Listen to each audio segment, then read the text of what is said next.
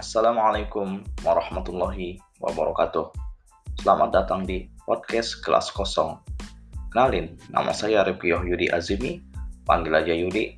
Dan di episode pertama ini, saya mau jelasin apa itu podcast kelas kosong. Jadi, podcast kelas kosong adalah channel podcast berisi konten edukasi dan muhasabah diri. Kenapa saya namakan kelas kosong? Karena sebagai pelajar, seharusnya kita memposisikan diri layaknya sebuah kelas kosong yang selalu siap menampung. Sebab, sebuah gelas yang terisi penuh tidak akan bisa menampung melebihi kapasitasnya.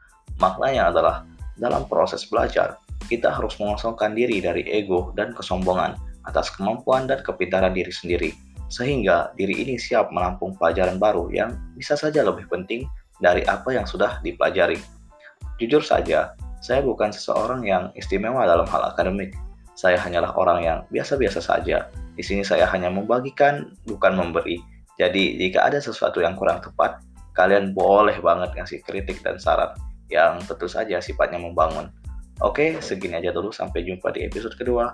Wassalamualaikum warahmatullahi wabarakatuh.